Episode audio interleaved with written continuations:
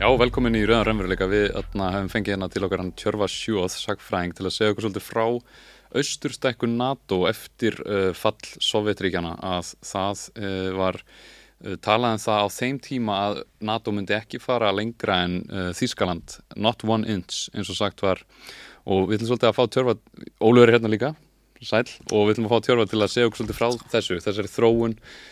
hugmyndafræðin í bandaríkjanum hergagnaframleðslunni og, og slíkt. Sæl Tjörfi, takk fyrir að koma. Já, takk fyrir að bjóða mér.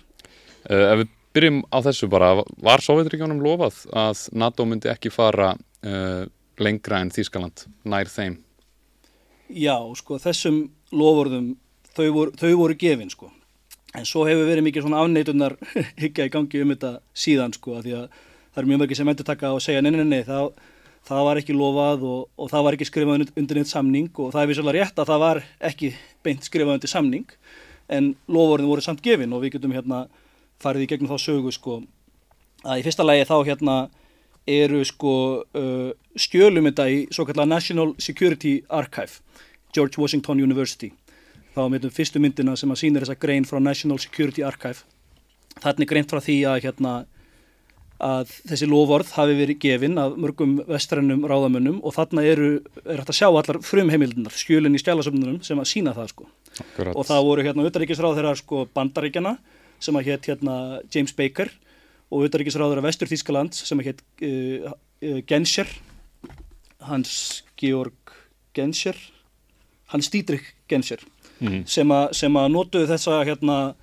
þennan frasa, þetta orðalag not one inch, þess að lofuðu að stækka NATO ekki eina tommu í austur uh, út, út fyrir sko Þískaland Þannig að þarna fyrir þá var einmitt þá var Þýskaland þarna splitta í tvent, austur og vestur og, og þeir voru svona, þarna var það saminast og vestri myndi taka í rauninni yfir allt, allt Þýskaland og NATO myndi vera þar, þú veist, þau myndi setja upp hergögn austar en, en allir voru á þeirri línu að þau, myndi ekki fara neitt lengra en það, þau eruðu eftir inn í Þýskalandi. Já, þá voru þess að þessar umræður sko um hérna um endur saminningu Þískalands af því að náttúrulega sko uh, það hafi verið eitt aðalmálið í kaldastriðinu á milli Sovjetríkjana og, og Bandaríkjana á milli austrins og vestrins var að náttúrulega í kaldastriðinu eftir sinni heisturöldina hafði Þískaland verið skipt í tvent og það var náttúrulega bandamenn voru með sitt svæði sem var hernum með þeim vestur Þískaland og, og Sovjetríkin voru með austur Þískaland og svo sko hérna myndust tvær andstæðir hernaðarblokkir að bandaríkinn settu upp NATO og tóku vestur Þískalandin í NATO og Sovjeturíkinn eh, stopnuði Varsjárbandalægið og voru með austur Þískaland í Varsjárbandalæginu. Þannig að þetta var svona eldlínan í kaldastriðinu og þarna var kaldastriðinu að ljúka það, að því það höfðu verið sko fríðarviðræðir og svona afvopnuna samningar viðræðir í gangi á milli Gorbachev og Reagan. Og þetta var þegar að náttúrulega múrin fjell sko sem er almennt talin marka endalók sko kaldastriðsins og það tók þetta tvö ári viðbót en svo náttúrulega hrundu Sovjetríkin tveimur árið síðar, þetta var hérna 1989 og þessar umverða átti sér stað 1990 um að endur samanlega Þískaland og málið var sko að hérna að náttúrulega Sovjetríkin þurftu að gefa sétt samþyggi fyrir því að því að þau voru með sína leppstjórn í Östur Þískalandi og þau voru með gríðarlega mikið herlið í Östur Þískalandi þannig, þannig að þau þurftu sko náttúrulega að vita sétt samþyggi fyrir því og hvers vegna ættu þau uh, sjálfvilju að draga sér tellið tilbaka og, og gefa upp uh, skiluru sitt áhrifasvæði í Östur Þískalandi og það var þetta lofar sem var skil, skilirðið sko fyrir því að, Þískaland fengi endur samennast, það var að það er því lofað að stakka ekki NATO uh, lengra til austurs. Og þarna, og, þarna var svona í loftinu svolítið að núna getum við loksins fengið eitthvað frið og farið bara að vinna svolítið saman og, og hætta þessu ruggli sem að galdastriði var. Og það, það var svona hugmyndina, ok, ekki, þið farið ekkert austar, verðið henni í Þýskalandi og svo, svo verða það svoleiðis og við getum hætt að vera svona miklu róvinir. Já, þetta var einmitt þarna tímabilið þegar kaldastriðinu var að ljúka og hérna og það voru mikla svona fríðar hugmyndir í loftinu sko. Og hérna og Gorbachev talaði fyrir því sem að kallaði sko hérna Common European Home. Og hugmyndin var þá sko demilitarization eða að hernaðarvæða ev- alla Evrópu og Rússland sko alla leið eins og norðaði það frá sko hvernig var það frá Listbon til Vladivostok. Það er borgin sem er hérna lengst í, í austur í Rússlandi sko. Og hérna og þessi hugmynd er eldri, hún er komið frá Charles de Gaulle sem hafði verið fórseti hérna Fraklands og hann hafði talað því sem að kallaði sko hérna já sko hérna einhvers, einhvers konar friðsæl Evrópa frá Atlantshafi til Úralfjalla sko. Þannig að, þannig að þetta er eldri hugmynd sem að hérna Gorbachev uh, endurvekti og hann var sjálfur mjög mikil svona friðardúfa og það náttúrulega má gefa honum kredit fyrir það að, að kaldastriðinu hafi lokið og Sovjetríkin hafi liðist sundur án, án blóðsútendinga. Akkurat. Það má bera það, það, bera það sama til dæmis við Júkoslavíu þegar hún uh, hérna, fór í sundur með miklum stríðsátökum og blóðsútendingum eða, eða þegar Rómaveldi hrundi skiluru. Það, það var bara siðmenningar hrun sko. Blóðsútendingar allstaðar, akkurat. En, en þetta, gerist, svona einstæmi bara í sögunni að svona stórt ríki fellur og, og það verða ekki massa stríð sem að svona millið mismunandi hópa innan þess ríkis. Já, mm -hmm. það er mjög mikið einstæmi hvað þetta gerist friðsamlega og, á, og þau átök sem hefðu blossað upp þau komur náttúrulega síðar og við erum náttúrulega að sjá þau núna. Það hefur verið átök á milli Úkrænu og Rúslands og það hefur verið átök á milli Rúslands og Georgíu og, og þessi þarna þessi ríki eins og Transnistria og Norður Abkhazia þessi svona hérna, aðskilnaðar ríki sko, það er allt saman svona afleðing á hrunni Sovjetiríkjana en það kom ekki fyrir síðar. En það er merkilegt hvað það gerðist einhvern veginn bara snögt og alveg friðsanlega sko og það má þakka sko Gorbachev fyrir það því hann var sjálfur svona mikil fyrirðadóa og hann, hann var ekki eins og sko Khrushchev sem að sendi hérna skriðrigana til hérna, var það ekki til hérna uh, til Tjekklands 1996 eða, eða Bresnev sem að sendi skriðrigana til hérna uh, nei, afsækjað, Tjekkland það var 68 og það var hérna Bresnev og svo Khrushchev þar á undan með, hérna, með Tjekkland sko, hann, hann var ekki að senda skriðdregana til þess að kremja niður mótmælinn skilji. Ekki svona harðlínum aður og, og, og það er náttúrulega þekkt, Putin hefur sagt því sjálfur því á þeim tíma þá var hann hérna leinið þjónustu maður fyrir KGB í statur Austu Þískalandi og þessi mótmæli átti sér stað þegar múrin fjell og hann hefur sagt á því að, að hann hefur verið sko hringja til Moskvu og byggjum leifi til þess að bara einhvern veginn að stöða mótmælinnar og hann orðið þannig, Moscow is silent, Moscow is silent. Það kom aldrei neitt svar sko. Mm -hmm. Þannig að hann hefur alltaf líst í sjálfur og sviðið það sátt sko að, já, já. Þessu, lefist, já, gerist eins og þetta gerist sko. Við erum með kortirna af öllna NATO sem sýnir svolítið tímalínuna og þá getum við fengið svolítið hugmyndaði hvernig þetta hefur þróast. Að sjá hvernig þetta er hann í byrjun það er að deksta sko dökkbláa og svo, svo þennst þetta út hægt og rólega og er hérna í Þýskalandi. Og 1990 Það er það austur Þýskaland Þar er, er Póland að gangi inn 1990 Já, Póland, já það, það var, 19, það var sko lofarið svikið Nei, sko, það var fyrsta stekkunarlótanum var 1999 og þá var tekið inn sko hérna mm. uh, Póland og Ungverjaland meðlans og, og svo síðar í stekkunarlótan stóra var 2004 í ríkistjórn uh, George Bush og þá voru tekið inn Ístrasaltríkin og Rúmenia og Bulgaria sko. Þessi, þessi dekkri þá er það þá uh, Östurþískland, þess að dekkri græni sem er hann alveg uh, rétt undir Danmarku. Mm. Já, var það ekki tekið inn hérna 1990 sko, Östur-Þískaland, að því að, að því að sé, þannig að svo komum aftur að sko sögunni að sko hérna að það voru þessar viðræður um, um samningu Þískalands og samhliða því muniði að hérna Gorbachev sko undir hans vakt þá uh, endaði kaldastrið á frisanlegan hátt og svo við drikið liðið sötur á frisanlegan hátt, þá bara samþykti hann að leifa Þískalandi endur saminast og draga sitt herlið tilbaka frá Östur-Þískalandi en hann gerði það ekki annars að fá nýtt á móti, náttúrulega það sem að uh, hluti að þeim hérna, samningaviðraðum var þetta lofurð um að NATO skildi ekki stækkað austur. Getur við fengið upp myndina af hérna, greininni í Spíkal þar sem við sjáum Gorbachev uh, með ykkuri sendi nefnd þar sem þau eru að ræða þetta akkurat. Það er hérna Já, 1991, eða 1990 er þessi fundur með Gorbachev held ég og þá var einmitt uh, Þískaland að ganga alla, alla leið inn inn í NATO. Já, ég skal segja eitthvað sko að hérna, það að vera þess að deilur um sko hérna þú veist alltaf verið að deila um þetta byttu ok, það var þetta lofvörð, en sko hvernig á að tólka það? Sumir vilja meina að þetta lofvörð það ekki þýtt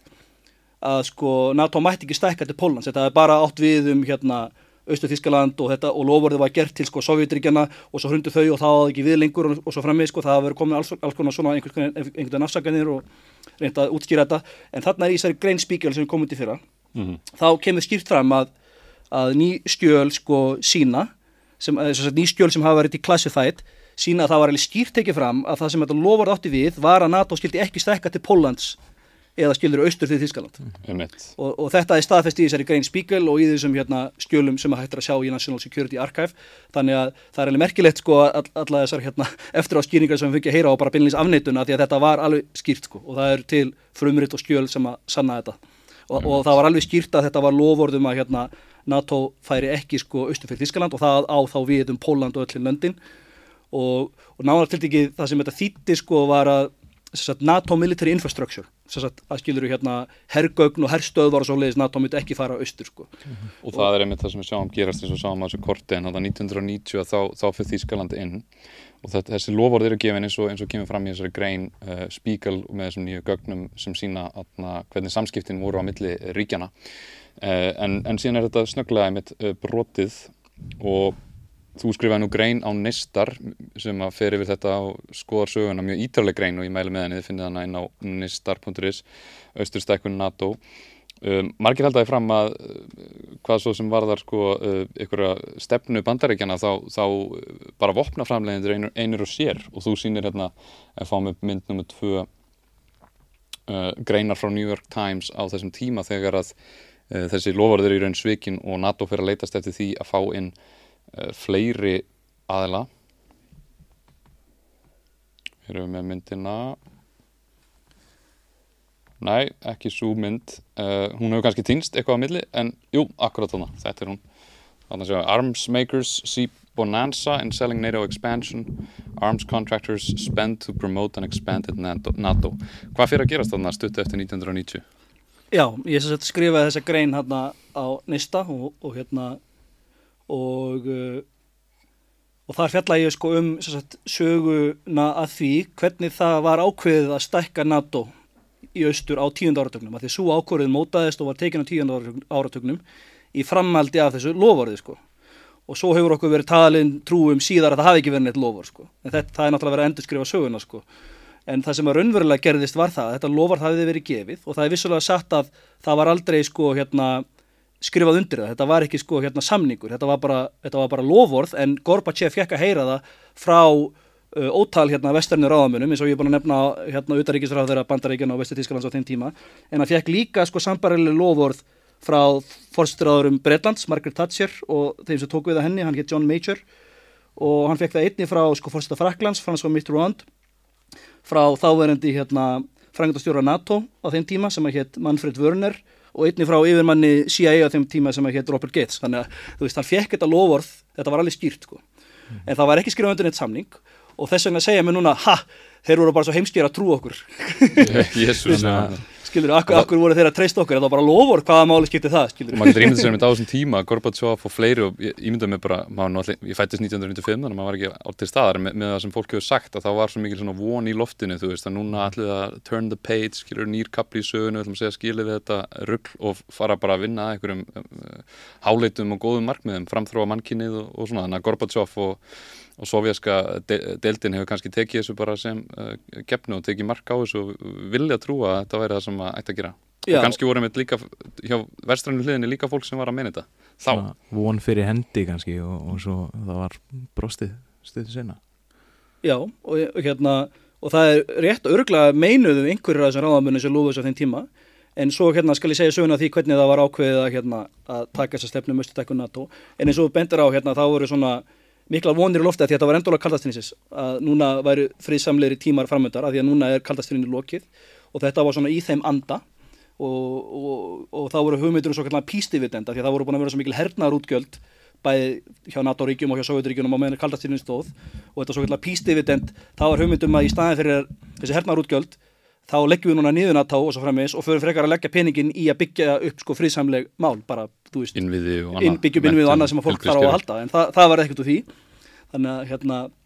það sem að gerðist eins og ég fell að meðla sem ég grinni, það er ekki eina en það er vissulega það að herrgagna framleiðitur þeir uh, töluðu uh, fyrir stækkun NATO og lobbíuðu fyrir því. Og hérna og þetta er svo kallar military industrial complex mm -hmm. og hugtækið military industrial complex það vísa til þess að herrgagnaframlegutur í bandaríkunum þeir hafa svo mikil áhrif á bandaríkja þingi mm -hmm. þeir eru næstuði bara meðmarka þingmenn í vasanum sko og hérna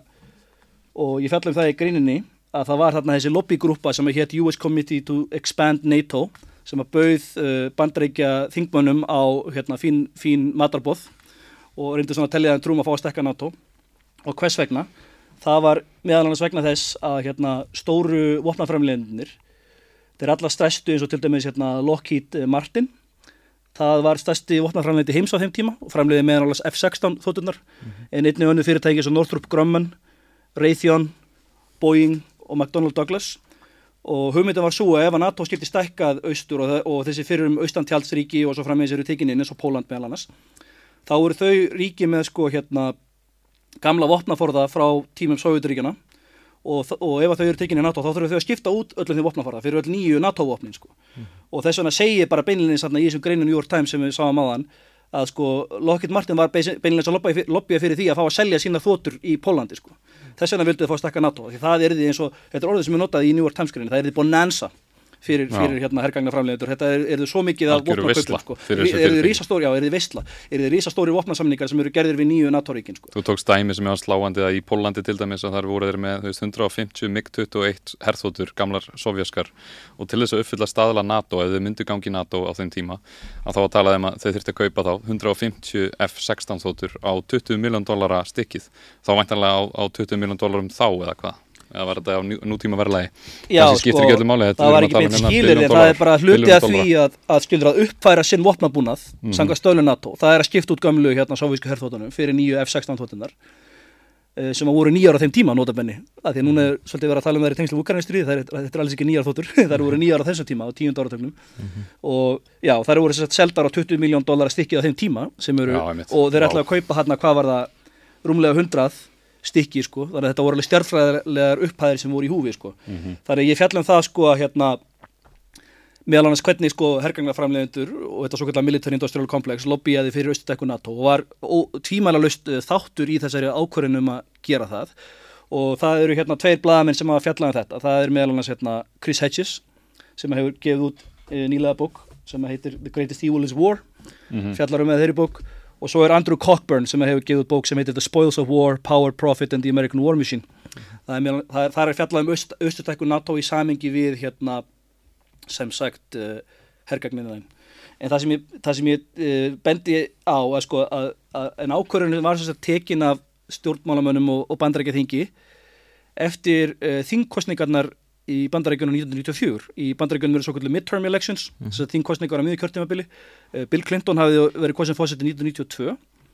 og á þeim tíma var þetta svo kallar Partnership for Peace það var, muni, við vorum að tala um að þessar fríðar hugmyndi voru ráðandi þarna strax eftir lok uh, kaldastinsins og þá hafði NATO stopnað þetta svo kallar Partnership for Peace. Og það snýrist um að sko öll ríki, líka Rúsland fengu aðild svona laust samráð laust hérna uh, uh, samstarf við NATO sko. Mm. og þá er hugmyndin að þessi ríki getur öll á endanum fengið aðild að NATO í gegnum þetta samstarf sko. Og Rúsland var líka aðild að því sko. En þarna í þingkostningunum 94 þá, þá var það þannig að það var hérna, harlinu maður Newt Gingrich við getum fengið hérna mynda honum og Contract with America. Já, hann var með þetta kostningalofur sem að kallaði Contract with America það sem hann lagði fram hérna svona heilan plattform og kostningalofur og meðal annars í þessu kostningalofuri var þess að stækka NATO. Þannig að það var bara lofurð um að stækka NATO. Við erum með þarna mynd af honum hérna já, Þetta var svona kampænið hans, uh, Contract with America. Og, og meðal annars þá var líka að tala fyrir því að, að uh, þennja út NATO. Já, að þetta, þetta, þetta þykir hérna vera hérna merkilegt eða sko hérna mikið turning point í sko bandaríska stjórnmálasögu. Af því að hérna Newt Gingrich hann var svona hann var svona forverið Trump skulum við segja. Hann var svona mjög svona já, forverið náttúrulega hérna tilbúsreifingarinnar, hann er mjög svona mikið anda tilbúsreifingarinnar, mjög svona frekar svona ykt skiluru konservativ í allsum stefnumál og og talin verið að hérna, mikill harlínu maður sko, og vann þarna stór sigur í þessum þingkostningum og tók yfir bandarækjaþing báðar þingdeildirnar. Þannig að republikana voru með báðar þingdeildirnar sko, það sem eftir var að kjörtímabili Clinton frá 94 og hann, eins og sé, hann var með þessa stefnu í sínu hérna, plattformi sínu kostningalofari, Contract with America um að stækka NATO. Og það sem að þeir tóku við þingið þá tók uh, fórsetin Bill Clinton þessa stefnu uh, upp frá þeim og þetta var það svona bipartisan skilur við hérna stefnumáli hjá báðum flokkum sko, sem það hafði ekki verið áður af því að það áttuði sér allir á því áður það voru þessar fríðar hugmyndir það, var, voru hugmyndir um að vera með friðsælt samstarf við hérna Rúsland og ekki gera eins og í kaldastriðinu að vera með svona andstæðar hernaðarblokkir og svona, vera með svona confrontational approach, að vera með svona cooperative approach. En þegar þú tekur upp svona aggressífa stekkunastefnum það, það er ekkert leint sko gegn hverju NATO beinist, það getur beindist, það er auðvitað að stopna til þess að beinast gegn Sovjetríkjunum, beinast gegn Rúslandi og eða vera að stækka NATO í áttunar Rúslandi, þá er það eitthvað sem þeir taka ekki vel í. Og hérna og líta á sem ógn. Þannig að hérna, það voru margir sérfræðingar og diplomatar sem að voru að vara við því á þessum tíma þetta væri ekki góð hugmynd að þetta myndi le- leiða til nýs kaldstríðs eins og til dæmis hérna, George Kennan sem er náttúrulega mjög frægur og, og varaði við þessu í viðtali 1997 og sagði að sko austakku NATO verið mjög slæm ákvörðin sem myndi leiða til nýs kaldstríðs fyrir Úslands og það raungerðið síðan sko. Þess vegna voru svona miklar gaggrinnisrættir um þetta á þeim tíma, það voru margir aðrir aðeinar sem að gaggrindu sko austakku NATO á þeim tíma og tölduði að vera slæma hugmynd, það var meðal annars hérna Paul Nietzsche, fyrir auðvitað vartamálar á þeirra Robert McNamara með þessi hann, hann hafði verið vartamálar á þeirra í hérna á sjönda áratökninni sem að bara mest ábyrða við námstriðinu sko, hann, hann var aðeins við þessu. Uh, Jack Matlock, hann var sendið hér til Sovjetríkina á þeim tíma þegar Sovjetríkin voru að hrinja með því að hérna Richard Pipes sem er hérna fræðimæður og þekktur svona andkommunisti uh, uh, hann, hann var líka á móti austakku NATO sko, það var aðeins við í. Robert Gates sem var einn af þeir sem gaf hérna Gorbachev lovorð um að hérna stekk ekki NATO eistur yfir maður CIA á þeim tíma, hann var líka á mótið þessu. Við erum með grein hérna sem við settum orðið upp áðan, nummer 6, Jeltsin á mótið NATO, Jeltsin, fórsettir Úslands hvað var það, 1994 til 9 eða eitthvað, ég man ekki alveg nákvæmlega en hann, hann var einmitt á mótið þarna, útvíkun NATO. Þó að hann væri sko þeirra maður eins og bandrækskir ráðamenn sögðu á þessum tíma, he's our guy sko. Já. en hann var samt á mótið þessu. Og heldur þú að með þessari útvíkun og ef fáum kortið aftur upp uh, af NATO að þarna 1999 þegar þeir fara inn í Póland og, og fleiri lönd þarna rússarnir hafa væntanlega ekki tekið þessu vel. Nei, nei, þeir tókuðu náttúrulega mjög illa í þetta og hérna, eins og sérsta sko, Jeltsin þess að sem að var hérna, mjög hlýðullur hérna, Vesturlöndum og bandaríkunum, hann mótvaldi sér sjálfur harlega sko. Og eins og segir, þau bandaríkunum hafa sagt að hann hafi verið þeirra maður og þess vegna var meðal svona frisalt samband á milli bandaríkjana og Rúslands á þenn tíma því að náttúrulega Gorbachev var mikið fyrir að dúa og svo hérna hreina Sovjetiríkin og Jeltsin tekur er hérna fórsettur Rúslands og er með með frisælt samband á milli Rúslands og bandaríkjana og, og, þeir líta þetta það er verið að rjúfa okkar tröst skiluru og að því að þetta er eitthvað sem að beinis gegn okkur og við sættum okkur ekki við. En málið var náttúrulega að, að Rúsland var mjög veikt á þenn tíma og þurfti endalega bara að kingja þessu sko að því að það var náttúrulega þannig að Sovjetiríki hrundu og það var eitt mest að hérna, það náttúrulega var mikið kreppa í hérna bæði Rúslandi og öllum þessum fyrum hérna Sovjetliðuldum á þeim tíma og gengið gangum svo kallega nýfrálsíku sjokkþerapíu sem hafi verið innleitt af vestrænum sko hagfræðingum sem að koma mm -hmm. til þess að ráðuleggja hérna uh, Boris Jeltsin. Og landið var líka í svona áætlun hjá Alþjóða Gjaldarísjónum sem að hérna er náttúrulega stjórnað frá Washington, það er með höfustöður í Washington DC sko, þannig að sumið vilja minna að, að hérna Rúsland hafi þeim tíma bara verið í vasanum einhvern veginn hjá hérna bandaríkunum Þú varst, og, þú varst með, ekki, en þú varst með þessa stöðu í heiminum þá að það átti að hérna, afhervæða Evrópu og koma á eitthvað skonar nýtt fríðar uh, og sumi tala um ekki, unipolar moment þar sem að bandaríkin eru í raun hérna, eina heimsveldi sem er uh, með eitthvað raunverulegan uh, mátt En, en NATO brítur þetta snögglega aftur, uh, hvort sem það sé með uh, Newt Gingrich og Partnership uh, Contract with America pælingar hjá þeim um að, að vika út her, herrablasinn og styrkja herrstöðu sína. Þannig að þetta, þetta moment eða brotnar. Að, að því að allan með skilstaða sér þannig sko ef að, ef að einn aðili byrjar að, að derra sig aftur veist, í, í svona, á svona momenti þar sem að er möguleikin á einhverju öðru að þá mun hinn svara í sömu mynd. Já, eins og sé, það voru þessar miklu hugmyndir sko um uh, já, nýja fríðartíma og, og hérna, samstarf en ekki svona confrontation skiljiði.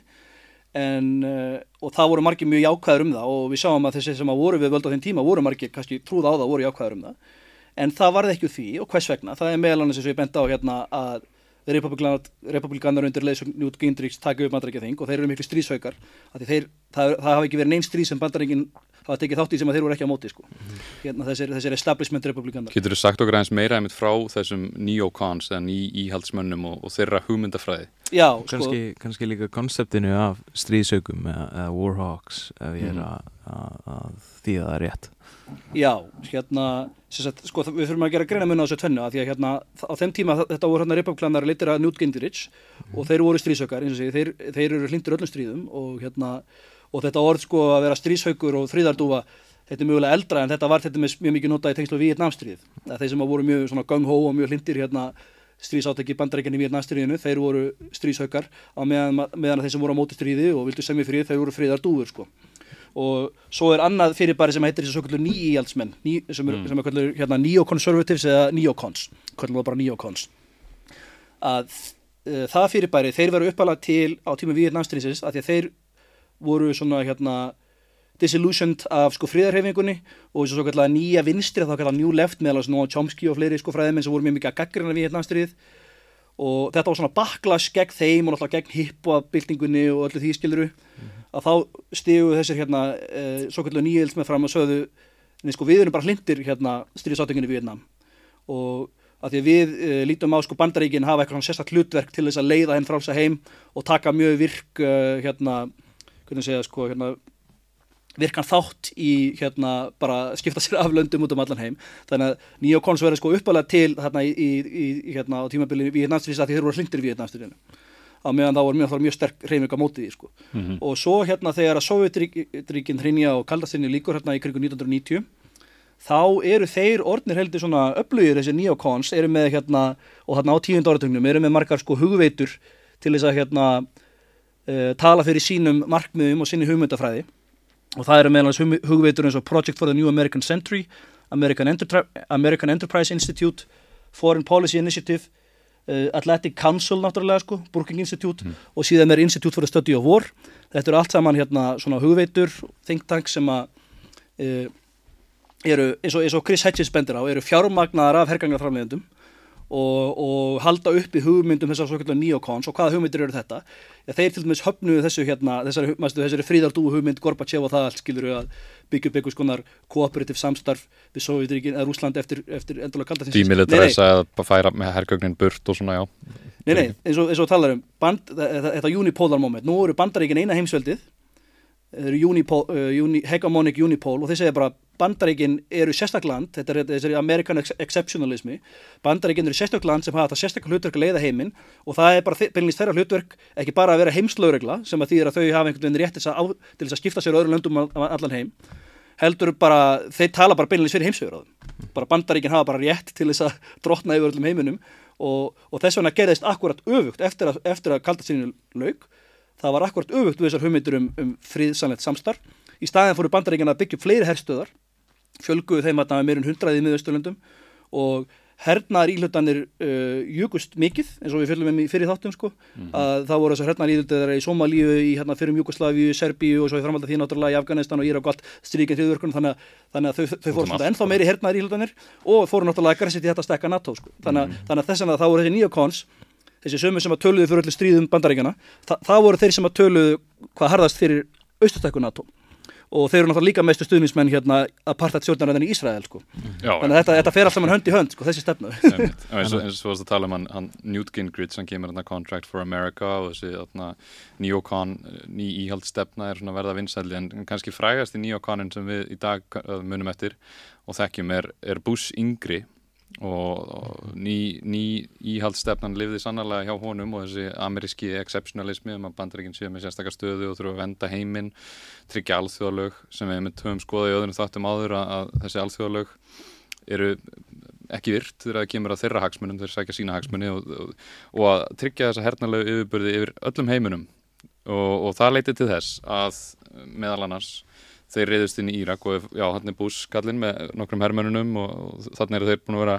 að ljúa um það að, að Írak væri að framlega eh, efnavopn og fá eh, talandi fyrir saminuð þjóðanum að fá fullt af ríkjum heims með sér og, og, og reyðst svo inn í Írak með shock and awe taktík til að byrja með þar sem þeir sprengtu bara allt upp í tællur mm -hmm. uh, var það ekki alveg heila viku áður en að það komu inn einhverju fótgöngurlegar eða slíkt og það var bara stórskóta ríð á Írak. Við erum með mynd hérna frá Bagdad. Uh, Getur þú sagt okkur aðeins frá þessu stríði og, og hversu svona, að því nú, nú náttúrulega riðast Rúslandin í Ukrænu fyrir eh, einu álega ára síðan að vera tveim. Og, og mikið talaði um að það hefur verið sprengt upp innviði og verið að ráðast á eh, bara almenna íbúa og svona, en það er alltaf svolítið skotið skökkum fyrir mig að, að, að bandaríkinn gerðu slíkt til sama nema verra sko þetta var miklu grófari árás sem að bandaríkinn gerðu á Írak þarna í byrjun. Er náttúrulega allt ógeðslegt og hrikalegt. En áhverju er ekki alþjóðlega glæpadómstólinn í hag að gera eitthvað í þessu? Að því að er það ekki rétt hjá mér að þessi sjokkin og taktik þeirra inn í Írak var alveg algjört eh, bara stríðsklæpur og glæpu gegn mannkyninu. Takk að kannski fram líka að þetta var svolítið, þú veist, restin af vestarannum heimi var mjög hlimt því á meðan þegar, rússar gera núna í, í Ukræni fyrra þá, þá er einhvern veginn verðast allir snúast gegn þeim. En það gerist ekki það sama við, við bandaríkinn þegar þeir sína fram á nákvæmlega sömu taktík. Og þetta er gert í nafni þess að tryggja alþjóðalög og mannrættindi og eitthvað bull frá þeim.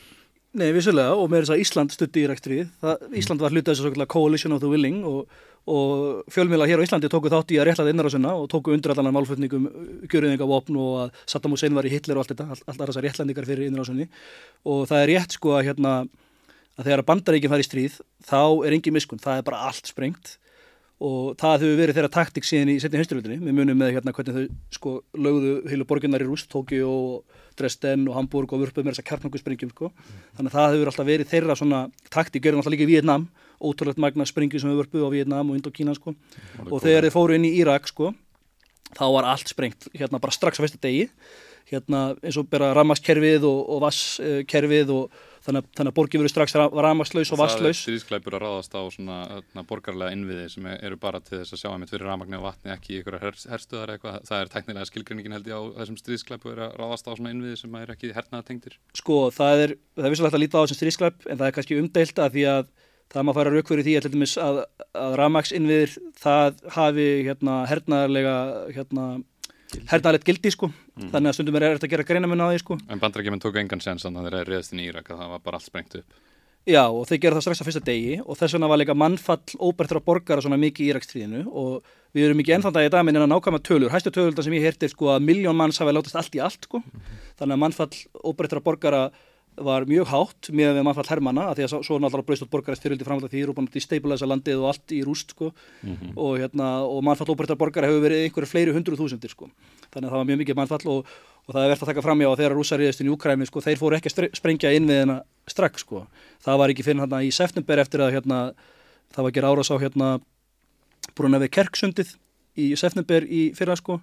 og eftir að gagsóknu Úkrænumanna í hérna Karkív, Híraði og Kersson þá fóru rússar að varpa sprengjum á sko innviði og til dæmis að sprengja ramags uh, ver og svo fram með sko. Þeir eru ekki gert það áður sko.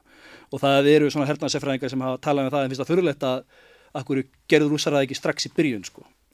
Að því, að því þetta er einhvern veginn svona byttu við gerum það, við bandarækjum og breytar, við gerum þetta alltaf strax í byrjun. Þetta er eins og þú tala um sjokkun og taktik sko en, en þeir gerðu það ekki sko. Mm -hmm. Þannig að hérna já það má svona bera, bera þessar hluti saman sko. Gríðarlega tvískinningur í gangi hérna með hvað þetta varðar Já, en sko hérna að þú minnist á Íraksstríðið Íraksstríðið er mjög, hérna, það er svona besta dæmið um, um þessa stefnu og hugmyndafræði nýjókons, nýjelsmanna að því að, að því að það svo innræðsvöldar réttlætt á þann hátt að það verið að sko bjarga náttúrulega fólkinu í landinu undan þessu hróttalega innræðsera og koma á líðræði í landinu sko þannig að mm. þessi, þessi ný íhjaldstefna, nýjókon hugmyndafræði hún snýst bóðlega mikið um þetta að bandreikin hafa þetta einhvern veginn sko, næstu í heilaða hlutverk að vera að leita á einn frálsa heims og þau eigi að byggja upp líðræði í önnulöndum og meiri sér með vopnavaldi sko. mm -hmm. og svo náttúrulega koma svona realistar, raunsæðismenn stíga fram og benda á hvað þetta er galin stefna sko. mm -hmm. þetta, þetta er bara einhverju draumóra þetta er svo óraunhæft að þú farin í Írak með vopnavaldi og byggir upp líðræði í landi sem er einhver hefð fyrir líðræði og bara með, bara með hermönum á vopnavaldi skilur. þetta er náttúrulega bara einhver della sko. en þetta er það sem þessi nýju konstuluð fyrir og þeir náttúrulega eins og betur að þeir komist til valda í ríkistjórn George Bush sem að vann kostingarnar árið 2000 sko. þannig að eins og sé að í ríkistjórn Bill Clinton þar á undan eftir þingkostingarnar 94 þegar republikanar vinnar báða þingdeldir og vinnar stórsigur þá tóku þau upp þess að stefnum östuftekkun NATO. Og svo heldur það áfram í ríkistjórn Bush að því hann kemur með nýjokons inn í sína ríkistjórn hann er náttúrulega með hérna Dick Cheney sem er einn aðal hérna nýjeldsmaðurinn aðeins möllum sem að vara varafónsitin og hann er yfirleitt er varafónsitin hann hefur ekkert ólega mikið völd í hérna bataríkunum hann er meira bara svona einhvers konar hérna setur bara, eh, þú veist, á hlýðalínunni og, og gerir úðalega lítið, sko, en það talaði um að Bush sjálfur, hann hafi, þú veist, leift sínum, skilduru, ráðamönnum að taka ákvarðina fyrir sig og Dick Cheney, hann var einhvern veginn svona baksættisbílstjóri í, hérna, Ríkistjórn Bush, sko. hann -hmm. var svolítið mikið svona arkitektuna bakvið allt þrýði gegn þrýðverkum og, og, og náttúrulega, svo... hérna, pindingarprogramið og það allt, sko, og svo, svo Donald Rumsfeld sem var, hérna, sem var, hérna, uh, varnamálar á þeirran í Ríkistótt Það er bæði, bæði áhugavert og hrikalegt við allt þetta eins og Dick Cheney, hann, hann var, hann var atna, CEO hjá Halliburton Company opnaframlegendum mm -hmm. uh, frá 1995 til bara 2000 þegar uh, búsuríkistöndun tók yfir. Og, og eins og maður veldi fyrir sér þú veist að það er sagt að Austantjálsríkin hafi sko verið að klappa eftir því og bara alveg úrskandi þess innlægslega að komast inn í NATO og, og okkur er látið í ljós að þetta hafi verið svona sjálfstæðar ákvarðanir bæði á þeim og að þetta sé í bandarækjunum mikið hugmyndafræðilega rak, uh, að spretta fram hjá, hjá þeim sko en það er svo miklu peningar í þessu og það er svo risastóri hagsmunir sem eru að íta undir þetta eins og, eins og Chris Hedges bendir á í bókinu sinni War is the greatest evil, við erum með mynda á hana minna, kennum kannski fengið hana upp. Að þessir, öðna, þessir, þessir think tanks eru fjármagnaðir af uh, þessum vopnaframleðendum, ólíufyrirtækjunum ég held mér að Cheney hefði verið í stjórn ólíufyrirtækja sem síðan uh, fengu ólíuna inn í Írak setna Já og veist, Bush var líka hérna, formaður ólíufyrirtækis Já það. Já, já, þannig að þið, svona er þessi ríkistótt sko. held, Heldur þú að þessu meira peningar sem er að drífa þetta áfram eða er þetta svona heimsvalda sinnuð hugmyndafræði? Þetta er náttúrulega bæði sko, þetta blanda. er flók, flókin blanda bæði. En, en þú sér sko hvernig herrgagna framleiðendur, þeir fjármagna sko hérna þessa, þessar hugveitur sem að hérna uh, halda upp þessar hugmyndafræði og hafa með mikil áhrif á stefnumótun í bandaríkunum og hérna uh, og og svo eru þú veist þessir ráðamenn sjálfur eins og Dick Cheney eru, hafa sjálfur verið sko hérna uh, forstöðumenn í þessum herrgagna fyrirtækjum sko. Þannig að, þannig að þess vegna er þetta kallað Military Industrial Complex og Eisenhower í ræðinu þar sem hann varaði við þessu það var þetta loka ræðin sem hann held að hann hérna leta af embætti hann varaði við þeim áhrifum sem að herrgagnaframlegundur hafa á pólitíkina og að það væri orðin einhvers svona samsuða á milli hersins, herrgagninnaðarins og uh, stjórnmála kerfinsins af því að eins og ég talaði um að, að sko, þeir hafa svo mikil áhrifin á þingi og á stjórnmálamennina sjálfa sko. þannig, að, þannig að þetta er bæði hugmyndafræðilegt og þetta er líka eins og segir svona materialískir hagsmunir sko. bara, bara að herrgangna farlegundur fá að græða selja mér í vopn, gera stóra vopnarsamninga en, en svo er þessi hugmyndafræði skilur til að rétta þetta allt saman. Og hún er auðvitað bara hreinræktu heimsvaldastefna þessi hérna hugmyndafræði nýjelsmanna nýjokons Að, og mér, mér er þess að sko hérna, það er ekki bara einhver rótæki vinstrimenn sem kallar heimsaldastefnu hérna, þeirra sko mainströms gaggrinnindur í bandaríkunum hafa líka kallað þetta heimsaldastefnu eins og það var hérna þetta Wolfowitz doktorinn hann, hann var líka í ríkistjórn hérna Bush hann hétt Paul Wolfowitz, hann var svona öryggisrækjaðið mann rétt sko. Og, og hann skrifaði svona memo sem var lekið þarna til fjölmila hvað var 1992 eða það leiti þegar hann var í, í ríkistjórn Bush eldri. Það sem hann sagði að sko hlutur bandaríkjana væri að hérna, hlutur bandaríkjana eftir lok kaldastrinsins væri að koma í vekk fyrir hann eitt keppinautur geti risið upp sko þannig að dæmis, sem dæmi ef að Rúslandi eða Kína var að rýsa upp og getum farið að skáka bandaríkjunum og þeir heimsögur á þeim þá ætti að kæfa allt síkt í fæðingu sko. mm -hmm. og þegar þess að var leikert í fjölmjöla þá var þetta alveg bara útrópað sem heimsvaldastefna sko. en þetta viðist síðan hafa verið stefnan sem að bandaríkinn tóku upp og við sjáum það að þessi svokullu regime change að það er alltaf þessi sko, stríð hjá þeim og þessar aðgerri til að steipa óinu sínum á stóli sko. mm -hmm. og þess vegna náttúrulega er ekki tilviljun að, að þeir eru fórið sér stríð til að steipa náttúrulega Saddam Hussein á stóli og svo reyndu við líka að steipa uh, Bashar al-Assad að stóli í, í, Sýrlandi og gerða náttúrulega við Gaddafi hérna 2011 og NATO tók þátt í þeirri springjöðferð. Þetta voru allt saman uh, innræðisherrar menn sem hafðu áður verið bandamenn Sovjetríkina að Rúsland skilur og þeir eru svona aligned gegn mataríkuna. Þannig að það er ekki tilvílun að þeir eru alltaf að steipa þeim að stóli skilur. Æmett. Og kannski að fólk hugsi þú veist að já innræðisherrar eru slæmir en bandarækinn faraðan inn eins og í, í Libíu með Gaddafi að þeir sprengja bara mjög mikið í tællur skilur, og drepa fullt af fólki og valda gríðarlegum óstöðuleika og svo faraði bara út og það er bara allt í ruggli skilur, mhm. eins, og, eins og með Írak er, þetta, þetta er svo óábyrgt og þetta er líka svo heimst Það er ekki lagan einu vandamál sko Mér er nokkað að benda fólki á eina mynd sem að einhvern veginn hefur svolítið flóið undir ratarinn kannski verið marga frá 2018 með öðna, með Christian Bale og Steve Carell og Sam Rockwell um Dick Cheney og um Ríkistjótt Bush uh, áður en þeir fóru inn í Írak. Og hún heitir Vice frá 2018 og hún, ég veit nú ekki alveg hversu uh, nákvæm hún er í sögurskýringum á þessu en, en hún sýnir ímislegt sem að er alveg greiðarlega átakanlegt. En mér langar að spyrja það svolítið út í Búkarest hittingin hvað ár var það og hvað var rætt þar varandi NATO? Já, þá getur við kannski eina, hérna, uh, rætt það í tengslu við sko, það sem ég fjalla líka um í greininni er að Östastekku NATO hafi verið ákverðuð sko, með lungu fyrirvara af þessum hérna, stefnumótendum í bandaríkjónu sko. og þá má segja að hérna, Búkarest fundur NATO 2008 þegar að ákverðinu var tekin um að ekki bara bjóða sko Úkrænu og Georgiu í NATO heldur það bara tilkynnt að þau munu ganga í NATO sérsett í framtíðinu sko. mm -hmm. og hérna hann sko, Jeffrey Sachs benti á þetta í grein sem að hann hérna skrifaði nýlega sko, að hérna Fyrir fólk sem ekki veit að Jeffrey Sachs hann er fórsetið yfir saminuð þjóðdeildum í, í uh, Sustainable Development og hann var atna, í herbygginu með Gorbachev og þeim þegar Sovjetringin voru leist í sundur og þátti að aðstöða þau við að, að, að liberalæsa uh, hagkerfið sitt og svona en hann sæði sig frá því þegar hann sá hvað þetta var ramspilt og hvað atna, bandarækjum virtist ekkert vera að gera þetta af neinum góðum vilja. Já, einmitt sko, hann hérna hefur, hann, hann var einn af þessum hagfræðingu sem var fenginn sem uh, ráðgjafi fyrir Rúsland þarna eftir Hrinsváðuríkjana og í kreppinu á þeim tíma, þannig að hann hefur mjög góð svona insinn í þessi mál og hann náttúrulega hitti Gorbachev, hann hitti Jeltsin margóft skilur og hann uh, vann sem þeirra ráðgjafi sko, þannig að hann, hann þekkir þessi mál mjög vel sko. Mm -hmm. og hérna, og hann, þess að ég vísa í hérna nýlega grein sem hann skrifaði í greininu minni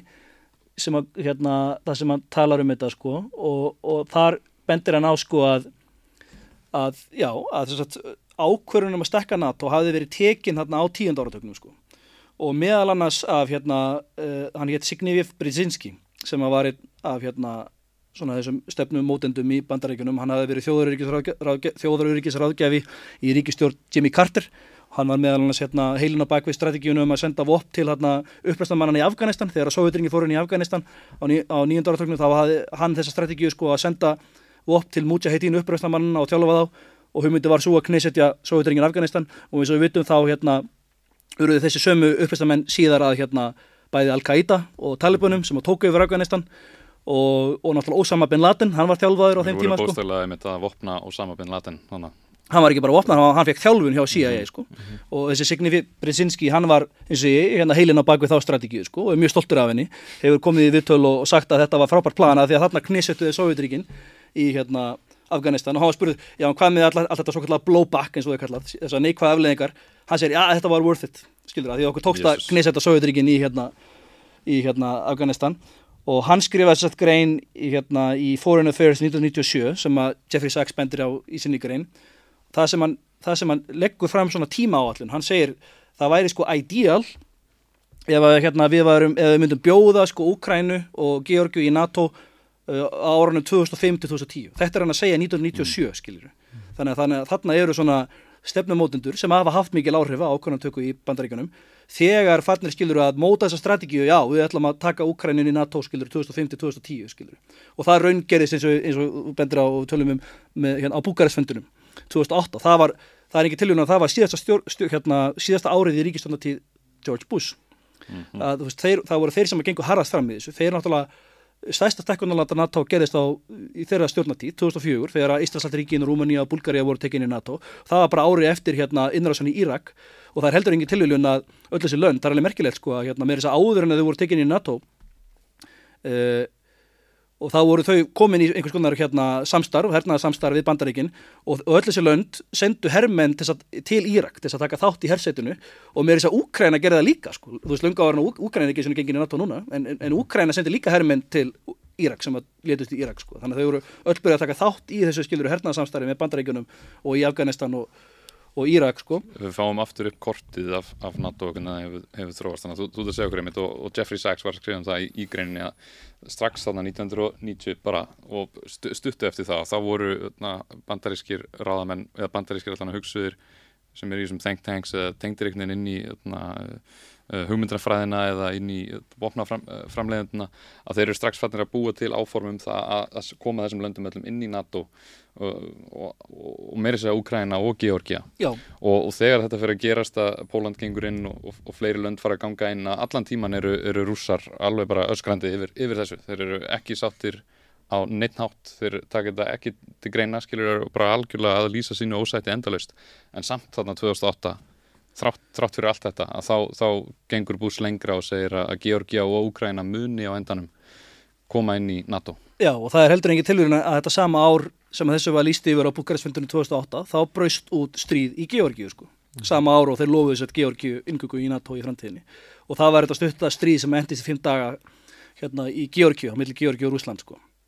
og það er engin tilvíðin sko og, og svo hafa svona, svona greinundur sem er að greina stríði í Ukrænu þegar þeir eru að greina aðdraðandana stríðinu eins og til dæmis John Mersheimer sem er einn fremsti sérfræðugur heims í alþjóðastjórnmálum og, og realisti hann bendir til dæmis á hérna Búkarestfundi 2008 að þetta var mjög mikið svona hérna, þetta voru mjög mikið tímamót í samskiptum sko bandaríkjana Vesturlanda og Rúslands og þarna fór verulega styrna úr í samskiptum að millið þeirra sko mm -hmm. og hérna og hefur verið svona þessi, þessi nokkuð svona kaldastrís baróta um Úkrænu af því að þetta snýst um skilur að hérna rússar líta á Úkrænu sem sitt áhrifasvæði en bandarækin voru að þennja út, út sitt áhrifasvæði og reyna að ná þessum löndum undir, sinn, já, undir sitt áhrifasvæði skilur með því að gangi Getur útskipt fyrir okkur aðeins einmitt hvað, hver er þessi re realism stefna í alþjóðumlegum samskiptum sem mér sem er talar um? Já, sko, í, í þetta kallast alþjóða tengsl eða alþjóða stjórnmál, international mm. relations það er þetta fræðisvið sem að er skilt stjórnmálafræði en snýst um að skoða stjórnmál í alþjóðlegu samengi og það eru margir svona school of thought, margir svona skólar eða skilur og nálganir en það tvær helstu eru þessi, þessi svo kallar raunsæðistefna eða realismi og eins vegar það sem heitir, heitir bara liberalism eða, eða, eða það er þetta kallað þá frálsýttistefnu í, í alþjóðstjórnmálum. Það er ekki endilega sama og, og liberalismi eins og við notum orðið almennt skilur í bara venlunni stjórnmálum en þetta er svona, þetta er svona ákveðin stefna en til, til sem dæmi þessir hérna nýjælsmenn, neocons, það er liberal stefna. Því þetta er þessi hugmynd um að hérna dreifa liberalisma um allan heiminn. Af því að hugmyndin er sko að liberalismi það er þú veist líðræðið að vestarni fyrirmynd.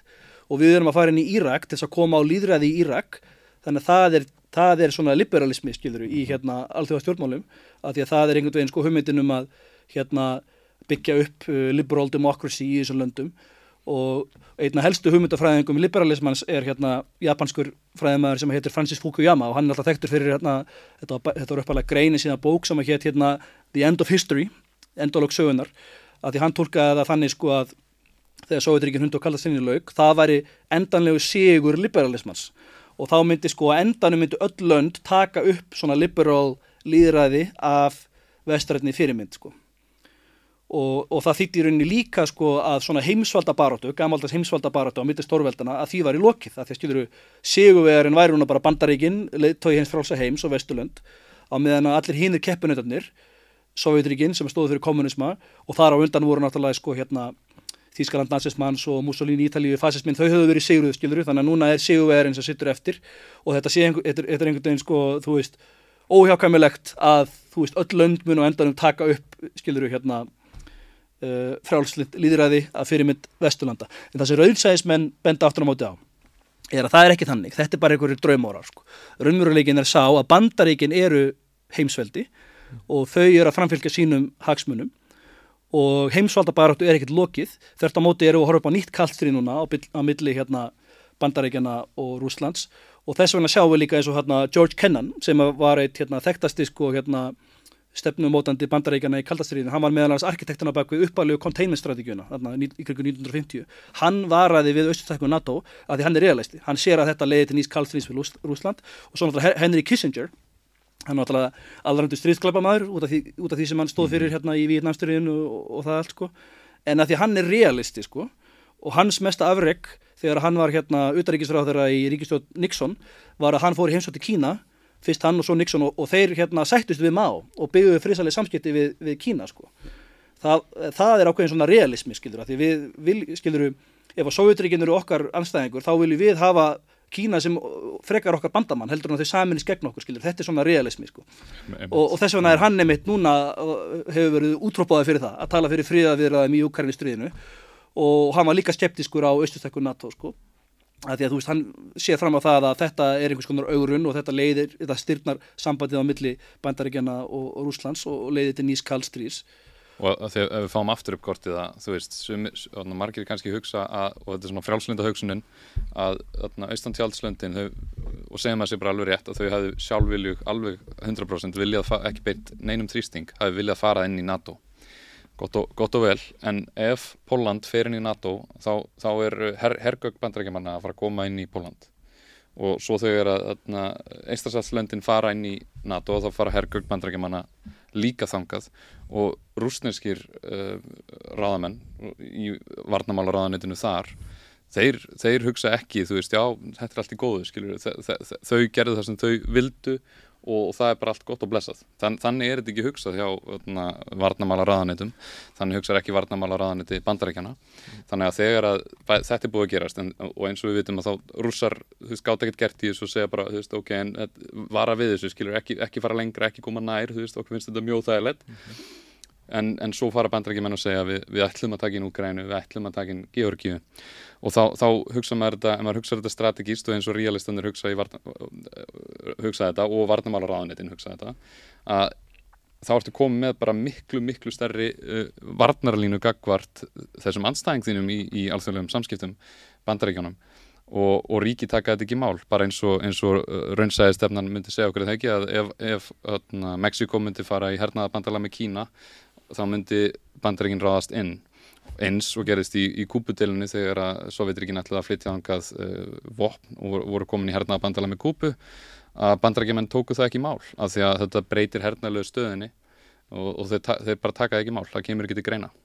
Já, eins og sé, þessi sko munur á þessum tveimur stefnum uh, realisma og liberalisma útskýrir ans, ansi margt af því að sko þessi hugmynd um að um að hérna já, það er enginn að neyta því að sko lönd hafa rétt á að gangi varnabandalag og þau hafi viljað sjálf eins og Póland og Íslandsastríkin mm -hmm. og, og þá segja liberalistar sko, já já, þau eru bara að taka upp eitthvað líðræði og svona vestrætti fyrir mynd og, og, og segja síðan bara hreint út NATO er varnabandalag og það ógnar ekkert Rúslandi sko. mm. þetta er svona niðurstaðan af þessari liberal hugmyndafræði realistar benda aftur á móti, herðu fyrsta lagið, þú veist, þetta er fyrirbæri sem að þekkist í realisma, þú getur ekki gert greinamun á því, sko, hvað er vörn og, og hvað er sókn, því þú er upp með vopn, það er bæðið þetta að nota þau í, í sókn og í vörn, skilur. Þannig að það sem að þú heldur að sé vörn, anstæðingurinn, hann tólkar það sem aggressíft eða sem ógna sínum hagsmunum, skilur. Þannig að ef þú ert með, sko, hérna, hergögn og ert að færa þau nær og nær og nær og byggja upp á landamærum anstæðingsins, þá getur ekki bara sagt við hann, herðu, þetta er bara, þetta er bara í vörn hann, hann lítur ekki þannig á það, skilur eins og gerist í kúpu þegar að, þessur bandreikin voru með er þetta ekki rétt muna hjá mér að það, það var the Bay of Pigs að þeir réðist inn í kúpu með atna, eitthvað svona málaleðum bandreikin sko. Og þá var Castro, þú veist, ó, nú þarf ég að fara í varnabandalag með Sovjetríkanum fór að tala við þau og, og, og um leið og kjartangspringinar átt að flytja þær yfir að þá bregðast bandreikin svona ótrúlega harkalega við Já, það er náttúrulega realistar benda ofta á kúpudöluna sem svona dæmi um þetta sko, eins og segir að bandaríkin voru reyna að steipa ríkistöld Castros á stóli og þau reyndu að gera innrás í kúpu þarna, Bay of Pigs eins og segir innrásinn og hérna og þá hleyfti sko Castro hérna Sovjetiríkjónum inn á kúpu með sko kjarnorku eldflögar, mildræðir eldflögar, eldflögar með kjarnótum sem var beint á bandaríkin og þá náttúrulega sögði allt upp úr sko, kúpudelan, leitinn að sýti kjarnorkustyrjaldar en sem betur og, og hérna og, en, en getur, getur ekki bara kúpa sagt þetta er bara varnar eldflöður, við erum bara verið okkur. Skilur þú, þú veist. Það er ekki eftir að mhm. gera svona distinction á milli þú veist varnar bandalags og hernaða bandalags þegar það kemur að því að vera með svona náleg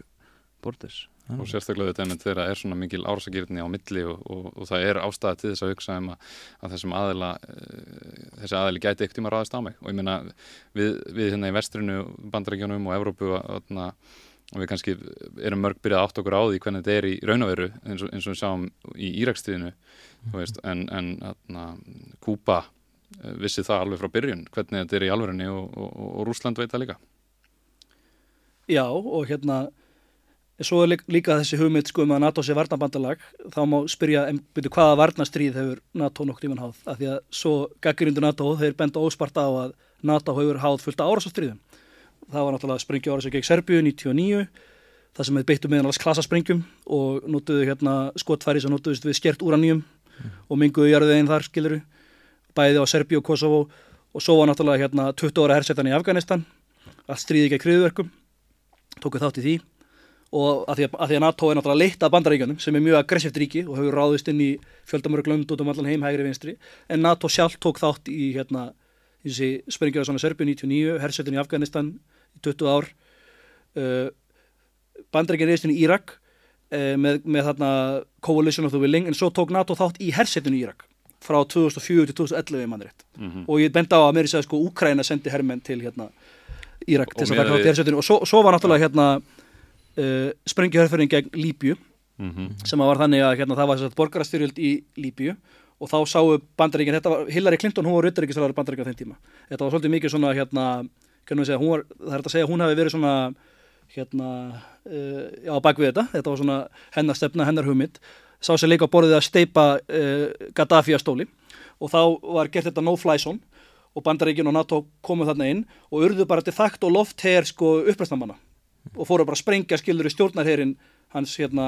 Gaddafi í drasl, og gerði það verkum að, hérna, að þeim unnustriðið og náttúrulega Gaddafi var tekinn að lífi og, og Líbi hefur verið failed state ætti síðan og náttúrulega flóttamanna Kristjana miðjarhafi og það allt, allir þessi bátar er að koma frá Líbi skilur, Og Þa, svo það er- afleðingarnar af því sko. og svo eru svona hernaðir í hlutanir sem bandreikin hafa gert þar sem þau, þú veist, borga einhverjum málaliðum til þess að fara valda einhverjum bara algjör, algjöru upplausn eins eins og í Nicaragua þar sem að sósialistarinn eru líraðislegar kostningar og, og, og þá var sendt, hérna, sendt inn bara máralega þannig að það, og eins og þú segir það sem þú ert að telja upp, þetta gefur manni fulla ástæði til þess að vera og fyrir ríki til þess að hérna, óttast bandaríkin. Já, það er gera eins og ráð fyrir sko sé hætta. eins og við sjáum, öll þessi stefna bandarækjana de facto, þetta er það sem að nýjeldsmenn hafa alltaf talað fyrir. Þú lest hérna þessar skýslur og, og þessar bækur sem þeir hafa að skrifa, því að þetta eru menn eins og hérna Kristól og þessir, þessir Kagans og fleiri sko, hérna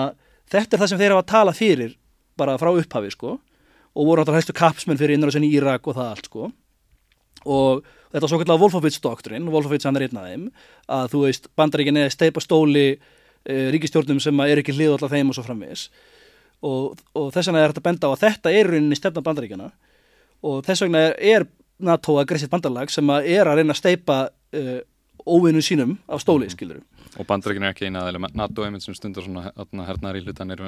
getur líka að tala um Frakland og Belgíu og Bretland og, og, og fleiri ríki. Já, þau tökja náttúrulega þátt í þessu sko. Og, og það gera eru undartekningar, það er frækt þegar að sko Frakland neita að taka þátt í innræðsinn í Írak Já. og þá hérna, fóru bandarengar að kalla franskar freedom fries til þess að mótmæla fr hérna, frökkum skiluru sem, hérna, en, en, en þó að skiluru frakkar hafi verið á móti innræðsinn í Írak hvað gerir bandarengar? Þau fundu bara einhver önnur lönd eins og Ísland og eitthvað sem, að- sem að, og, og Danmörk ég held að Anders Fogh Rasmussen hann hafi verið hérna fórstráður á Danmörkur á þeim tíma og svo var hann frangundastjóri NATO, hann var alveg gung-hó. Fengur bara þau með og bara ráðist til samt. Mhm. þurfum þurfum ekki að hérna hérna, ekkert hérna, hérna res resolution frá hérna saminu þjóðum eða neitt skilur Og algjörlega ólulegt og- og Þau- hvern- við, við, við, þú veist, við við erum sigurvegar kaldastrinsins það eru bara lögmál frumskóðan eins og við getum bara gert það sem okkur sýnist bara hérna might makes right skilur þeir, þeir sterkir bara getur gert það sem að honum sýnist skilur hver, er hver svolítið var ástæðan fyrir því að, að frakkar fóru ekki með? Hvað sögðu frakkar á þessum tíma? Já, þú veist, náttúrulega hérna það er lungsaða bak við það að því að, að því að það er kallað gólismi að því að hérna Charles de Gaulle hann var hérna fórsetið Fraklands hérna á sjönda áratögnum á sín tíma. Og hann hann saði sig ekki beint um NATO en hann sleit samstarfið NATO hann 1966 og saði bandarækjunum að hérna yfirgefa landið með sínar hestöður að því að hann talaði fyrir þenni sefnu að Evrópa á að vera sjálfstæð. Hún á ekki bara að vera leppríki eða undirgeðin bandarækjunum þetta er svo kallega gólismi þannig að Frakland sko það er þannig sko að hérna uh, skoðum þetta svona, skilur við, sáðu hérna stórveldi sem tóku þátt í sinni heisturöldinni þá voru náttúrulega sko í Európu voru það til dæmis Bretland, Frakland, Þískaland og náttúrulega Sovjetríkin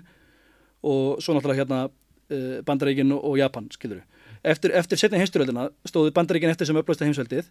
og, og Bretland var orðið bara algjörlega undirgeðið Bandaríkjunum. Að því að, að, Bretland hafði sko farið á hausinn í hérna í hérna stríðinu og var mjög skuldut bandaríkjunum og var bara alveg háð þeim, skilur